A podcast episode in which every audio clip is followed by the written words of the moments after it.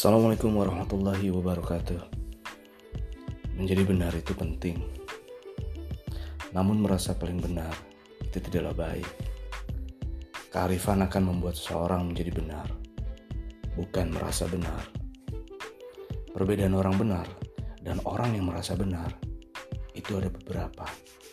Di antaranya, orang benar itu tidak akan berpikiran bahwa ia adalah yang paling benar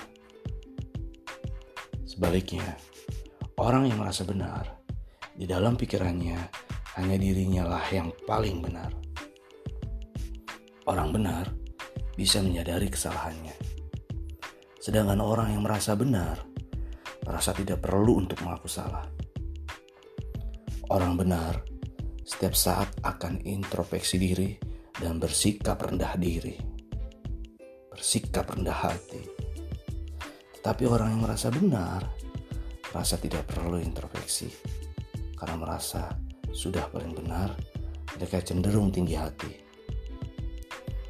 Orang benar memiliki kelembutan hati. Ia dapat menerima masukan dan kritikan dari siapa pun, sekalipun itu dari anak kecil. Orang yang merasa benar, hatinya keras. Ia sulit untuk menerima nasihat dan masukan, apalagi kritikan. Orang benar akan selalu menjaga perkataan dan perilakunya, serta berucap penuh kehati-hatian. Tapi kalau orang yang merasa benar, berpikir, berkata, dan berbuat sekendak hatinya, tanpa pertimbangan atau pedulikan perasaan orang lain. Dan pada akhirnya, orang benar akan dihormati dicintai, dan disegani oleh hampir semua orang.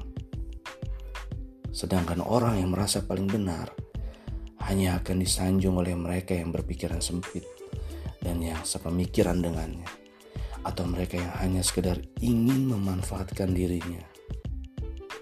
Yuk, mari terus memperbaiki diri untuk bisa menjadi benar, agar tidak selalu merasa benar. Untuk mengerti bahwa diri kita benar, maka modal dasarnya adalah paham ilmunya. Untuk paham ilmu, maka harus teliti, cermat, dan mengasah otak dengan keseriusan tinggi.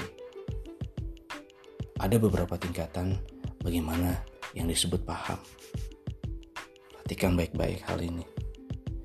Tingkat terbawah dalam ilmu adalah paham. Ini wilayah kejernihan logika berpikir dan kerendahan hati. Ilmu tidak membutakannya, malah menjadikannya kaya. Tingkat kedua terbawah adalah kurang paham. Orang kurang paham akan terus belajar sampai dia paham.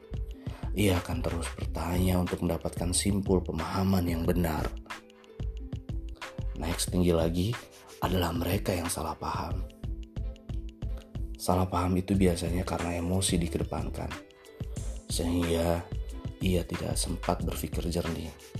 Dan ketika mereka akhirnya paham, mereka biasanya meminta maaf atas kesalahpahamannya, atas kesalahpahamannya. Jika tidak, ia akan naik ke tingkat tertinggi dari ilmu. Nah, tingkat tertinggi dari ilmu itu adalah gagal paham. Gagal paham ini biasanya lebih karena kesombongan, karena merasa berilmu, ia sudah tidak mau lagi menerima ilmu dari orang lain. Ia selalu merasa cukup dengan pendapatnya sendiri. Parahnya, ia tidak menyadari bahwa pemahamannya yang gagal itu menjadi bahan tertawaan orang yang paham. Ia tetap dengan dirinya, bangga dengan gagal pahamnya. Mungkin di antara kalian ada yang bertanya, kok paham ada di tingkat terbawah dan gagal paham di tingkat yang paling tinggi? Apa nggak kebalik? Dengar baik-baik ya. Orang semakin paham akan semakin membumi. Ia menjadi bijaksana. Ia terus menerima dari mana pun ilmu datangnya. Ia tidak melihat siapa, tapi tetapi apa yang disampaikan. Ia paham ilmu itu seperti air dan air hanya mengalir ke tempat yang lebih rendah. Semakin ia merendahkan hatinya, semakin tercurah ilmu kepadanya. Sedangkan gagal paham itu ilmu tingkat tinggi Ia seperti balon gas yang berada di awan. Ia terbang dengan kesombongannya.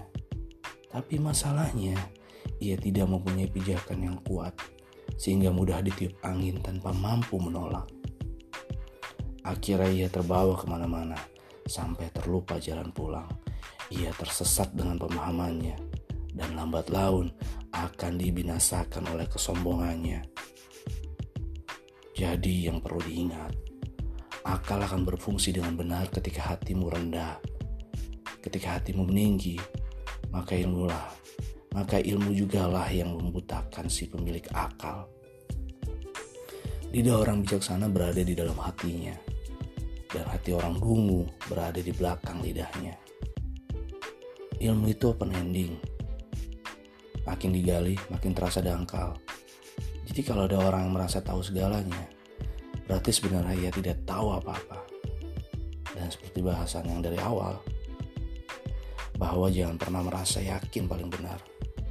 Jangan mudah merasa paling benar, merasa paling paham, sedang diri masih mencari ilmu dari orang lain.